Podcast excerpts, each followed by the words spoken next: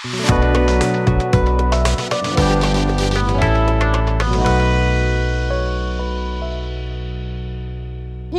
merhaba. Merhaba. E, bugün heyecanlı bir bölümle karşınızdayız. Çünkü yani birazcık... biz heyecanlıyız en azından. evet, birazcık nasıl bir bölüm olacak bilemiyorum gerçekten de. Şimdi bölümümüzün adı şu, danışsak da mı saklasak? Burada birazcık e, aslında danışmanlık sistemini değil mi konuşmak evet. istedik.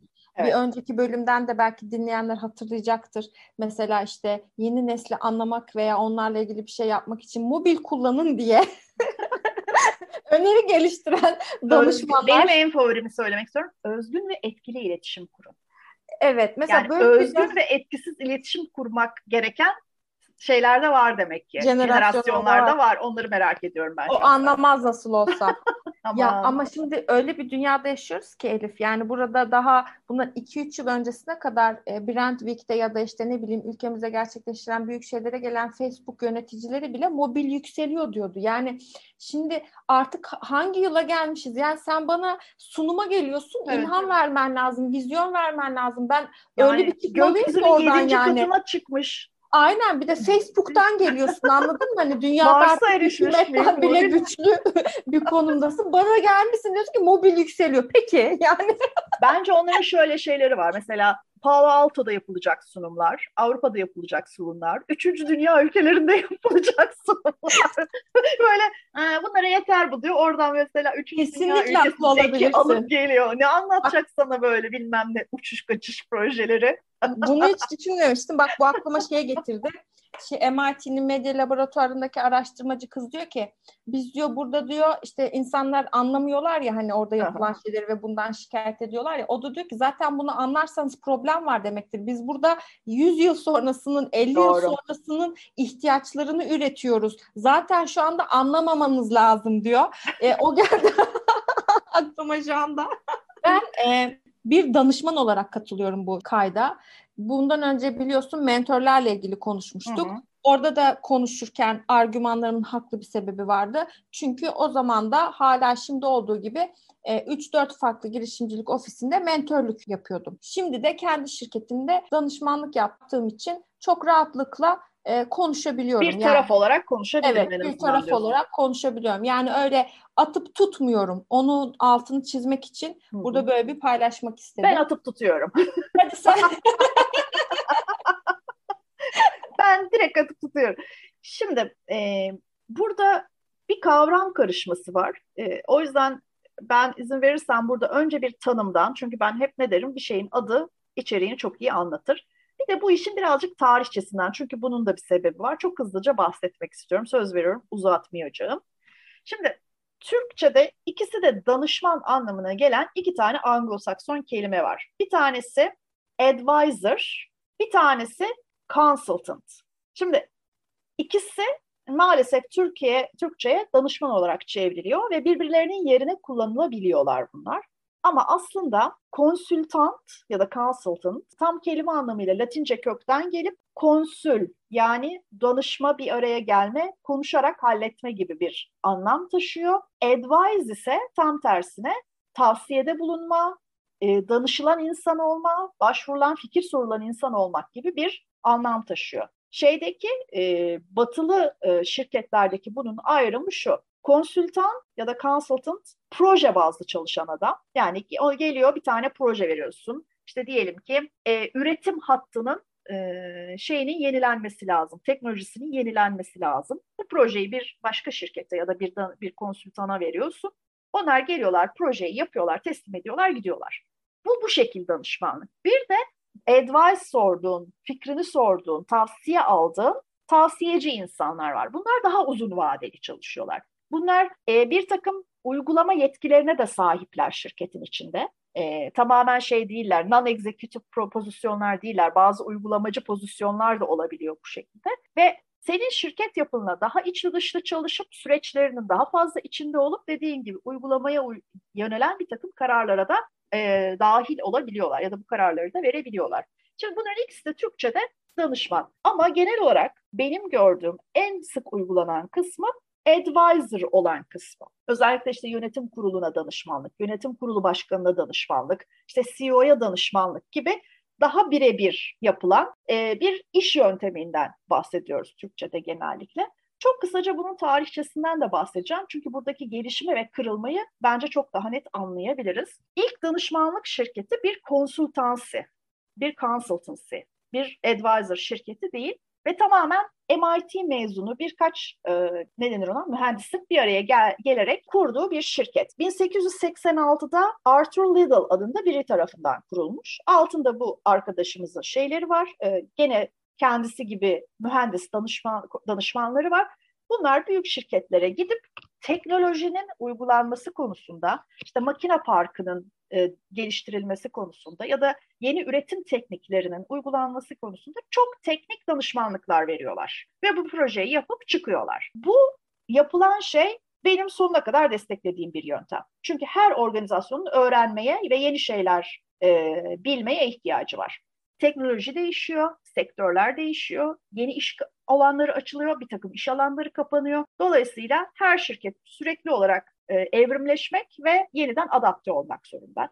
Bunun için de bunu öğrenmek için de dışarıdan destek almaktan daha kolay, daha doğru bir şey olamaz. Çünkü her işin uzmanı var. Bir de advisor dediğimiz insanlar var. Buradaki en büyük problem bu özellikle bu teknolojik e, konsültansinin çok benzeri aslında finans tarafında da oluyor. Çünkü özellikle işte vergiyle ilgili, devlet e, şeyleriyle ilgili, uygulamalarıyla ilgili e, mevzuatlar sürekli olarak değişiyor.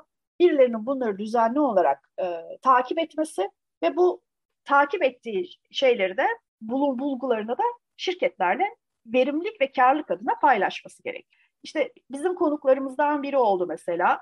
KVKK diye yepyeni bir uygulama alanı açılıyor. Daha doğrusu uygulama alanı ciddi olarak e, uygulanmaya başlıyor. Onunla ilgili uzman avukatlık büroları ortaya çıkıyor. Çünkü gerçekten çok teknik bir şey var öğrenilmesi ve öğretilmesi gereken. Ama e, benim en azından şahsi tecrübem şu. Advisor olan danışmanlık Türkiye'de ve dünyanın da pek çok yerinde e, yeni bir şey öğretmeden iç süreçlerin içinde kendi bilgi, görgü ve deneyimlerini bu sisteme entegre etmek şeklinde ortaya çıkıyor ve bunun da çok da ölçülebilir, çok da verimliliğe katkısı olduğunu iddia edebilen süreçlerin olduğunu ben çok fazla görmüyorum. Burada çok inanılmaz bir e, şey var. Özellikle de şirketler ve kişiler arasında da çok birbirine benzerlik var. Verilen hizmetlerin farkını da çok fazla göremiyorum. Yani A danışmana gidip B danışmanı geldiğinde senin ne iş yaptığın ve işlerinin değerlendirilme şekli tamamen değişirken ortaya çıkan sonuç hiç değişmiyor neredeyse gibi de bir sıkıntıdan bahsetmek mümkün. Buradaki ayrımı e, gerçekten de bir güzel bir laf vardır. Teaching a trick, a new trick to, a, to an old dog. Yani yaşlı köpeğe yeni oyun öğretmek gibi bir şey. Bunu yapıyorsa başımın üstünde yerim var. Ama süreçlerde tamamen dışarıdan şey yapıyorsam, ahkam kesiyorsam ve elin taşın altında değilse, sonuçtan sorumlu değilsem ben burada gerçekten de verimliliği ve faydayı sorguluyorum. Şimdi burada e, diğeri anlattıklarının arasında tabii bu ayrımları yapmak çok güzel oldu. Bence kafada bir netlik oluşması açısından. E, ben de bunu mesela kaça ayrılabilir diye düşündüğüm zaman gerçekten bir uzmanlık için olan var ve senin o az önce anlattıkların çok önemli şeyler yani finansta evet. Mesela stratejide benim uzmanlık alanım ve bu yaptığım iki boyutlu çalışıyorum çünkü bir tanesi uzmanlık alanım için strateji ve vizyon konusunda diğeri de e, dışarıdan bir görüş aslında. Sadece şey yapıyorsun. Bir şey sana bir şey, bir şey anlatıyor. Diyorsun ki öyle olmayabilir. Acaba böyle mi yapsan? Bu elindeki bu kadar rakamı bu şekilde kullanmak, tüketmek yerine böyle bir şeyde kullanman senin için daha faydalı olabilir. Buraya yönelmek istiyorum diyorsun ama bu alanda hiçbir yeteneğin yok. Yani sorgulamasını sağlayacak, fark etmesini sağlayacak ama yine de son kararı kendisi verecek. Yani ona bir perspektif sunmak bir seçenek skalası sunmak ve yine kararı kendisine bırakmak. Ama benim ele aldığım biçimi ve uyguladığım biçimi bu. Ama çevremde ve sektörde gördüğüm biçimi birazcık soyut olan taraflarında suistimale açık olduğu ile ilgili bir görüşüm var. Yani işte mesela biz seninle çocukluk arkadaşıyız Yıllarca iyi eğitimler aldık. Aynı okullarda okuduk. Sen gittin bir şirkette genel müdür oldun. Ben gittim başka bir şirkette bir şey oldum. Sonra aramızda bir sohbet ediyoruz. Ben sana diyorum ki ya zaten ben sana sürekli tavsiyeler veriyorum. Sen beni e, şirkete danışman olarak alsana. Ya da işte diyorsun ki ya işte sen ne kadar böyle bir harika her şeyi biliyor gibisin. Bizim şirkete danışman olarak gelsene. Ya bu danışman konusu önemli bir konu. Yani herkes danışman olamaz. Bir de şey gibi yani hep bu eleştirdiğimiz, anlattığımız şeyler var ya, herkesin de bir danışmanı olmak zorunda değil. Yani danışmanın var diye sen daha işte e, bilgili, daha e, kültürlü, daha stratejik, daha başarılı görünüyor olmuyorsun aslında. Yani o zaman ne oluyor? Sen bütün her şeyini ona emanet etmiş oluyorsun. Her, herkes danışmanı kadardır mı diyeceğiz yani. Hani karşındaki kimse Allah'a emanet. Bizim ülkemizde yine burada şey boyutu var, jenerasyon boyutu gibi. Amerika'da olduğu gibi değil. Mentörlükte de aynı, burada aynı şeyleri yaşıyoruz. Akıl hocası olduğu için bu şeyin karşılığı Türkçe'de. Bunu çok sevmediğimiz için mentörlük sistemi bizde yok. Ama abime sorayım, şu ablama sorayım ya da benden şu kadar büyüğüme sorayım. Bir akıl alayım, geri çekileyim. Ama bunu sürekli hale getirmek. Mesela e, yine başka bir gördüğüm şey sektörün içerisinde ben bunu ilk şey, şirketi kurduğumda yaşadım. Şimdi bütün o şirketlere selam gönderiyorum buradan. Ben anlattım, anlattım, anlattım, anlattım. Bana dediler ki, ay biz bunun için işte Boston Consultancy'den destek alıyoruz. Biz bunun için McKinsey'den destek alıyoruz. Siz hani şimdi burada siz şimdi burada ölçek olarak bizi çok e, a, tatmin edebilecek şeyde değilsiniz. Hani bana şey demek istediler o zaman yani kendine gel. Hani sen hani kimsin? Onun karşısına çıkmışsın. Bunları anlatıyorsun falan. Şimdi aradan geçmiş iki yıl, üç yıl aynı kişiler benim karşıma farklı şekilde gelebiliyorlar. Çünkü dünyanın öyle olmadığını sen bunu bir keresinde Cassandra efekti diye anlatmıştın. Söylüyorduk, söylüyorduk, söylüyorduk. Şimdi tak geldik o noktaya. Yani bir de bunların bu boyutları var. O kadar çok duydum ki geldiler, milyonları aldılar, bize bir PowerPoint sunum bıraktılar, gittiler ve ne olduğunu anlamadık. Ben sana daha acıklısını anlatayım. Şimdi dünyada e, bir şeyden gelen, e, söyle adını, finans tarafından, muhasebe tarafından gelen danışmanlık şirketleri var. Bunların en büyükleri PricewaterhouseCoopers, KPMG. Bunların hepsi şimdi biliyorsun teknoloji şirketi oldu. Böyle de bir şey açayım. Ernst Young, Deloitte, bir de bu Enron'dan sonra şeyden ayrılıp e, Andersen'den ayrılıp adını Accenture yapan şirket. Şimdi bunlar finans muhasebe bazı şirketler oradan geliyorlar. Bir de zaten çıkışını stratejiyle yapmış şirketler var. Bunlar McKinsey, Boston Consultancy and Bain Company. Bunlar da dünyanın işte 116 ülkesinde 89 ofisle bilmem kaç bin çalışanla credential'larının girişleri böyledir biliyorsun. Bir tane dünya haritası. Bazı ülkeler bir takım renklere boyanmış. İşte burada bir ofisimiz tabii, var. Tabii tabii gövde gösterisi. Gövde gösterisi. Şimdi bu bir takım özellikle uluslararası şirketlere bir şey sağlıyor. Bir oh kafam rahat hissi sağlıyor. Hem yerel ofislerine böyle hmm diye parmak sallıyorlar, gözüm üstünde yapıyorlar. Hem de bir takım işte profesyonel yöneticiliğin getirdiği bir takım kutulara tik atma. Oh denetimimizi de yaptık, raporumuzu da aldık. Şimdi bunlardan biriyle profesyonel hayatımda karşılaştığım bir anımı anlatıyorum hızla.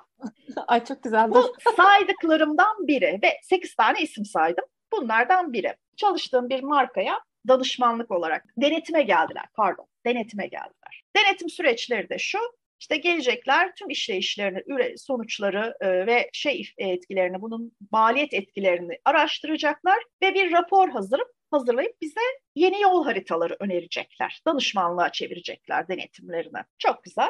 Tabii işin şeyle ilgili olan, medya satın alma ile ilgili olan tarafı da bana düştü doğal olarak ajansı temsilen. Önüme bir tane şey geldi, tablo geldi. Benchmark yapmamı istiyorlar e, şeyle medya fiyatlarıyla alakalı olarak. Ben hemen bir medyacı olduğum için parayla ilgili her şeyi çok aşırı ciddiye alıyorum tabii ki. Hemen itiraz ettim. Böyle dedim benchmark olmaz. Bizi neyle karşılaştıracaksınız? İşte buradaki rakamlar şöyle, buradaki medya ortamı böyle. Böyle bir yükseldim. Dur dur dediler, sakin ol. Türkiye'de benchmark ile karşılaştıracağız. Nasıl yani? Nasıl karşılaştıracaksın Türkiye benchmarkıyla? Hop yeni bir doküman geldi. O doküman ne? Benchmark dokümanı. Kim dolduracak? Ben. Yani sen onu doldurmadan önce, önce kendin çal, kendin oyna. Ya arkadaşım ben profesyonel sorumlu olan bir insanım. Benim kendi benchmarkımı koyduğum bir denetimden kalma imkanım var mı? Tabii ki 5 10 numara 5 yıldız geçtik biz o denetimden de. Anlatabiliyor muyum yani? Bu bunu hizmet olarak bana sunarsan ve ben de bunu hizmet olarak alırsam zaten alan memnun, satan memnun danışmanlığı. Bu buna söyleyecek bir şeyim yok. Zaten bu bahsettiğim 8 danışmanlık ve bu hikayeyi niye anlattım? Bir içimde kalmıştı. İkini şuraya bağlayacağım. şuraya bağlayacağım. Bu danışmanlık yöntemiyle alakalı en önemli şeylerden biri, e, eleştirilerden biri çok fazla prepackaged olması. Önceden paketlenmiş. Adımları, koşulları, kuralları, zamanları, fiyatlaması her şeyi belli. Sana özel, bana özel, ülkeye özel, sektöre özel hiçbir şey yok. Gidip raftan şey alır gibi, söyle adını, kek mixi alır gibi alıyorsun. Ben Türkiye'de de yapsam, sen Hindistan'da da yapsan, öbürü Iowa'da da yapsa aynı kek çıkıyor ortaya. Doğru mu? Doğru. Tabii tabii yani şey mesela orada e, bir bütçene göre yani senior birini istiyorsan 10 dolar ödeyeceksin de bir executive istiyorsan 1000 dolar ödeyeceksin Aynen. saat için ama C-level'da birini istiyorsan 1 milyon ödeyeceksin falan gibi böyle. Bunların en önemli aldıkları eleştiri bu zaten. Her şeyin önceden paketlenmiş olması. Çünkü buradan bir şey çıkıyor. E, söyle adına finansal fayda çıkıyor.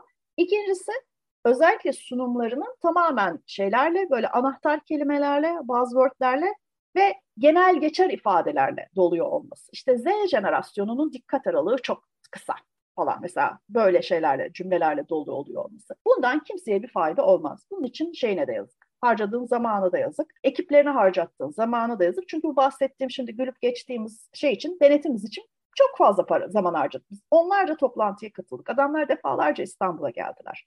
Her seferinde beş yıldızlı otellerde kaldılar. Akşamları çok güzel restoranlara, yemeklere götürüldüler. Güzel şaraplar içildi. Şimdi demem o ki hani bu atıp tutması çok zevkli haliyle ama demem o ki e, bence bir insanın danışmanlık, o öyle danışmanlık ya da böyle danışmanlık alması için birkaç tane sebebinin olmalı. Bir, çok spesifik bir sorunu olmalı. Yani sorun çok net olmalı. Şunu yapmam gerekirken yapamıyorum. Ya da ben artık şunu yapmak istiyorum. Bunu bir cebine koymalısın. İki, öğrenecek yeni bir şeyin olmalı. İşte benim üretim teknolojilerimde bir sürü şey değişti. Benim bunları öğrenmem lazım. IT mesela çok danışmanlık alınması gereken alanlardan biri. Çünkü bazı uzmanlıkları şirket içinde bulundurmak cost effective değil. Sen dünyanın en iyi IT'cilerini şirketinde bulundurmak zorunda değilsin. Çünkü o adamlar çok sayılı ve çok pahalı adamlar. Ama bunların bulunduğu bir takım şirketlerden, kuruluşlardan her zaman destek alabilirsin. Eğer senin aklındaki soru ve sorun çok netse, cevabı da çok net olarak ifade edebiliyorsan ben bu danışmanlık hizmetinden şunu bekliyorum. Bundan fayda görmemen çok zor. Ama gelin siz bizim bir süreçlerimizi ilerleyin, inceleyin. Bir verimlilik alanı var mı? Bir bakalım. Briefinden kimseye bir fayda gelmez. Bunu da işte biraz önce saydığım gibi büyük şirketler güzelce faturalandırıp hayatlarına hiçbir şey olmamış gibi devam ederler. Bak şimdi mesela bu e, şey konusu uzmanlık konusu IT dediğin için şimdi bunun örneğini ben hep veriyorum. 2019 yılındaki rakamı söyleyeceğim. Sonra da beklentiyi söyleyeceğim. IDC'nin verisi bu da. E, bu alandaki e, önemli bir veri sağlayıcı. E, dijital dönüşüm dediğimiz şey var ya DX diye okuduğumuz. Dijital dönüşüm bununla ilgili düşüncelerimi de zaten daha önce söylemiştim de. Harcanan para ne kadar? 2019 yılında 1.7 trilyon dolar para harcandı. Dünya genelinde şirketler. Gittiler bu danışmanlık şirketlerine dediler ki gel beni dönüştür. Ben artık daha dijital olmak istiyorum. Sonra e, McKinsey yine bir araştırma şirketi. Yani bir taraftan alıyor bir taraftan veriyor. McKinsey gitti bunu araştırdı. Acaba bu projelerin dijital dönüşüm projelerinin yüzde kaçı başarılı oluyor diye. Görüldü ki yüzde yetmişi başarısızlıkla sonuçlanıyor. Şimdi ben o kadar e, ciddi bir hesaplama yapmayacağım ama 1.7 trilyon doların yüzde yetmişini hesaplayalım ne kadar yapıyor? Bu para çöp. Bu çok açık bir şey yani. Çok net tabii, bir tabii. veri. Şimdi diyor ki yeni veri 2023 yılına kadar küresel olarak diyor 6.8 trilyon dolara ulaşacak diyor dijital dönüşüm için harcanacak para. Yani felaketin büyüklüğünü görüyor musun? Yani bu paralar harcanacak ama o dönüşümler sağlanmayacak. Yani Çünkü 6 ne... trilyonun 4 trilyonu çöp olacak. Yaklaşık e, üçte ikisi hiçbir işe yani, yaramayacak. Hatta daha bile fazla da hani ben o kadar çarpabildim kafamda. Birazcık iyileştirme olduğunu düşünelim hadi. Yüzde yetmişinin değil de ha, Covid etkisi şudur budur falan diyelim. Yine gidecek. Çünkü aslında temeldeki sorun ne? Sen dışarıdan birisini çağırıyorsun. Şey gibi bu yani senin ailenin içerisinde bir sorun var. Kardeşler birbirine küsmüş, davalık olmuş vesaire. Sen dışarıdan başka bir büyüğü getiriyorsun diyorsun ki ya olmaz böyle siz kardeşsiniz. Yani anlaşın diyorsun tamam mı? Yani bunun bir ortak yolunu bulun. Onları barıştırıp gidebileceğini sanıyorsun. Halbuki birisi tarlanın derdine düşmüş, birisi demiş ki o sınır senin değildi benim ben öyle bana. Ne? Biz kardeş miyiz? Bunu niye daha önce kimse söylemedi bize? Biz de hiç tartışmazdık. İnsanlardan bunu bekliyor. Halbuki sen şirketi dönüştürmeye çalışmayacaksın. Yani oradaki sistemlerde problem var ama o problemleri yaratan şey zaten insanların bakış açısı. İnsanların way of working'leri, çalışma Aha. biçimleri, düşünme biçimleri, yaklaşım biçimleri. Asıl sorunu yaratan şey o. O zaman neden şimdi ben mesela diyordum ki yani günde 3-4 saat trafikte geçiyor. O toplantıya git, bu toplantıya git, gidiyorsun, oturuyorsun, hoş beş, şudur budur. Bir günde bir toplantıya gidiyorsun, bir günün gidiyor zaten. Yani İstanbul trafiğini de düşündüğün zaman. Bakıyorsun Hadi bilemedin üretti? iki bir sabah bir öğlen ha, yaptım diye. Ne ürettin ne çıktı? Bir de sonra mesela geliyorsun diyorsun ki ertesi gün teklifini yollayayım. Bizde teklifler o kadar hızlı da yollanmıyor. Yani e, o da bence büyük bir problem. Ondan sonra sonraki gün teklifini yollayayım. Sonraki gün takibini yapayım. Zaten önümüzdeki bir hafta senin o toplantı gündemiyle geçiyor. Toplantı notu yolladın mı? Onu yaptın mı? Şu. Bütün bunların hepsi kaybolan vakitler. Sen bunun için danışmanla çalışsan ne olur, çalışmasan ne olur? Benim gördüğüm bütün projeler başarısız oldu. Yüzde yetmiş falan değil. Hmm. Geldi, anlattı, parasını aldı, gitti. Hmm. Olan olduğuyla kaldı. Şimdi evet. benim burada yapmaya çalıştığım şey ne? İnsanların düşünce biçimlerini değiştirmeye çalışıyoruz burada. Nasıl bunu da stratejik düşündürelim. Neden insanlar stratejik düşünemiyorlar? Çünkü soyut düşünemiyorlar. Strateji görünmeyen bir şey ya. Hı-hı. O yüzden algılamakta veya hayal etmekte veya bunu yaratmakta zorluk çekiyorlar. İşte asıl bir danışmanın yapması gereken şey bu. Yani ticari bir bakış açın yoksa, gerçekten rakamlardan anlamıyorsan, öngörülerin yoksa, geleceği dünyanın nereye gideceğini bilemiyorsan ben finans sektöründeyim. Yani sahiden de gerçekten bu şeyi hiç anlayamıyorum. Otomobil sektörünü hiç anlayamıyorum. O benim burada şeyime kapsamıma girmiyor. Bunun için ama size ayrı bir uzmanımız var. Hemen onu dahil edelim faturaya gibi şeylere girmek. Yani bu değil işin özünde. Benim e, eleştirel yaklaştığım noktası bu. Ben şöyle söyleyeceğim. Ee, bence ekonominin bir numaralı kuralı bu. Garbage in, garbage out. Sen danışmanlık almak için yola çıktığında ya da sana gelen bir danışmanlık teklifini değerlendirirken aynen iş briefi gibi diye düşün. Ne istediğini bilmiyorsan bunu karşındakine de ifade edemezsin. Bunun karşılığını da alamazsın. Söylemedin ki adama ne istediğini. Ya adam nereden bilsin? O yüzden sana raftan bir tane aa ne güzel para var burada. Raftan bir tane şey alıyor, veriyor. Paketlenmiş bir bu ürün veriyor sana. Sen gidip eve biraz önceki kek örneğinde gibi karıştırıp pişiriyorsun. Ortaya bir kek çıkıyor. Senin ihtiyacın olan kek mi? Değil. Sen belki başka bir şey yapmak istiyordun. Tek tek kekler yapmak istiyordun böyle muffin gibi. Olabilir demedin. Öyle bir şey istemedin adamdan. Sen kek istiyorum dedin. Ee, en önemli problem bu. Ee, gerçek bir ihtiyaçtan şeye çıkmıyor, yola çıkmıyor genellikle danışmanlık çalışmalarının başlangıcı. Belki bir eksiğin var ama adını koyamıyorsun. Nerede eksik olduğunu ifade edemiyorsun.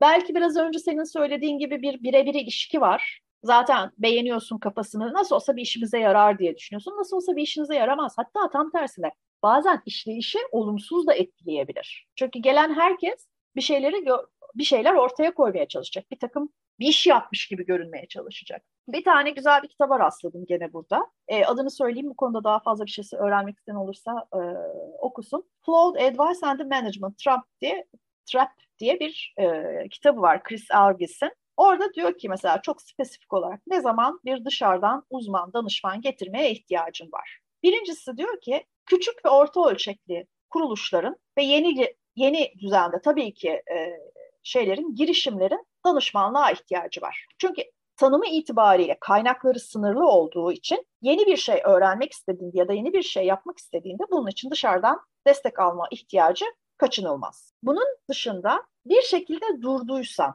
büyümen durdu, gelişimin durdu, pazar payın durdu. Durduysa bu durumu anlamak için bir danışmana ihtiyacın olabilir. Yeni bir şey öğrenmen lazımsa bir danışmana ihtiyacın olabilir ve teknoloji alanında bir danışmana ihtiyacın olabilir.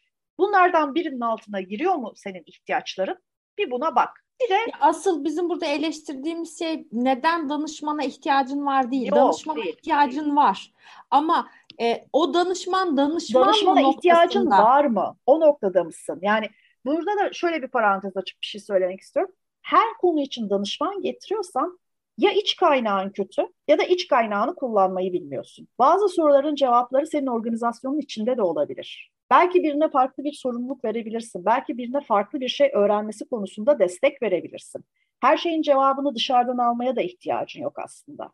O, o zaman yine liderlik e, eksikliği karşımıza çıkıyor. Yani e, stratejik düşünemiyoruz. Vizyon eksikliğimiz var, liderlik evet, eksikliğimiz hep diyoruz var. ya bizim en büyük zaman, eksikliğimiz planlama yapmayı bilmemek. İşte hani şey gibi bunu ajansa vereyim demekle bunu bir danışmana vereyim demek bence aynı Çok kafa. Kolay. Yani baktığında. Çünkü hani ben düşünmeyeyim o düşünsün. Ama kim bu adam veya kadın? Hı-hı. Sana ne Hı-hı. getirecek? Senin buna gerçekten ihtiyacın var mı? Ondan ne alıyorsun? Yani mesela sadece vizyonunu da alabilirsin birinin. Ya tabii, bana tabii, anlat. Tabii. Ayda bir gel anlat de ki bu böyle, şu şöyle, bu böyle. Ama geri kalanının sana ait olması lazım. Yani bizim burada aslında canımızı sıkan şey hep bu performansı göstermemizin gerekmesi, hep kendimizi ileriye taşımamızın, çaba sarf etmemizin. E çünkü hayat böyle bir şey, iş hayatı evet. da böyle bir şey. Yani sen ilerlemeyeceksin ama hep birisi gelecek senin Seni için o ilerlemeyi iki adım ha, öteye göre ilerletecek gibi. Bu bazı senaryoda danışman olabilir, bazı senaryoda ajans olabilir, bazı senaryoda mentor olabilir, bazı senaryoda çalıştığın elinin altında herkesin vardır böyle birisi. Sağ kolum der ona.